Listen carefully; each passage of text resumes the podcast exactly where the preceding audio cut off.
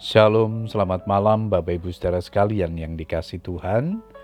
Kita bersyukur kepada Tuhan sepanjang hari ini kita sudah mengalami segala kebaikan Tuhan di dalam kehidupan kita. Malam hari ini kembali kita akan menaikkan doa-doa kita bersama dengan keluarga. Namun sebelum berdoa saya akan membagikan firman Tuhan yang malam ini diberikan tema rencana penyelamatan Allah.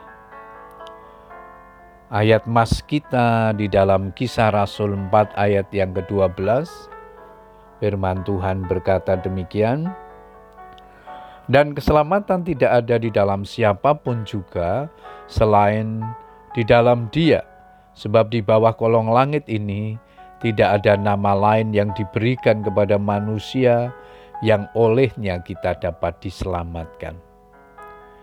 Bapak Ibu Saudara sekalian, ingatlah bahwa keselamatan adalah rencana Allah, bukan rencana manusia. Hanya rencana Allah dan bukan rencana-rencana lain yang dapat menyelamatkan kita sebagai anak-anaknya. Memang banyak jalan menuju Roma, kata pepatah, tetapi hanya ada satu jalan yang bisa memimpin kita kepada Allah.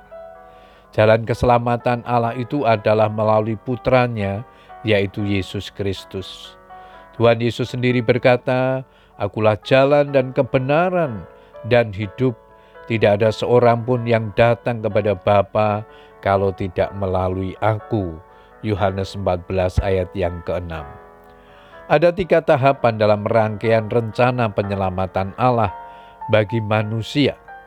Pertama, melalui pengorbanan Yesus Kristus di kayu salib, di mana Ia membuang jauh semua dosa dan pelanggaran kita, serta menjauhkan kita dari maut yang merupakan upah dosa. Sebab jika demikian ia harus berulang-ulang menderita sejak dunia ini dijadikan. Tetapi sekarang ia hanya satu kali saja menyatakan dirinya pada zaman akhir untuk menghapuskan dosa oleh korbannya.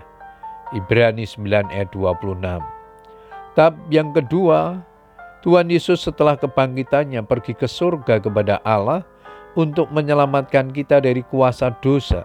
Kita diperdamaikan dengan Allah dan dilayakkan untuk datang kepadanya. Sebab Kristus bukan masuk ke dalam tempat kudus buatan tangan manusia yang hanya merupakan gambaran saja dari yang sebenarnya, tetapi ke dalam surga sendiri untuk menghadap hadirat Allah guna kepentingan kita dan ia bukan masuk untuk berulang-ulang mempersembahkan dirinya sendiri sebagaimana imam besar setiap tahun masuk ke dalam tempat kudus dengan darah yang bukan darahnya sendiri. Ibrani 9, 24, 25.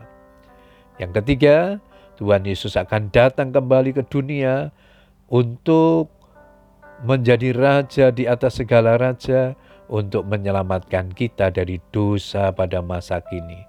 Kristus hanya satu kali saja mengorbankan dirinya untuk menanggung dosa banyak orang. Sesudah itu ia akan menyatakan dirinya sekali lagi tanpa menanggung dosa untuk menganugerahkan keselamatan kepada mereka yang menantikan Dia. Bapak Ibu Saudara sekalian, Tuhan Yesus datang ke dalam dunia bukan hanya untuk memanggil orang yang benar agar masuk dalam pertobatan, tetapi juga orang dosa supaya dilepaskan dari segala perbudakan dosa dan boleh mengalami keselamatan daripada Tuhan. Puji Tuhan Bapak Ibu Saudara sekalian betapa luar biasa rencana penyelamatan Allah bagi kita. Dia tidak hanya membebaskan kita dari dosa, tetapi juga menyediakan surga yang mulia bagi orang-orang yang sudah diselamatkan untuk masuk di dalam kekekalan bersama dengan Tuhan. Puji Tuhan, Selamat berdoa dengan keluarga kita. Tetap semangat berdoa. Tuhan Yesus memberkati.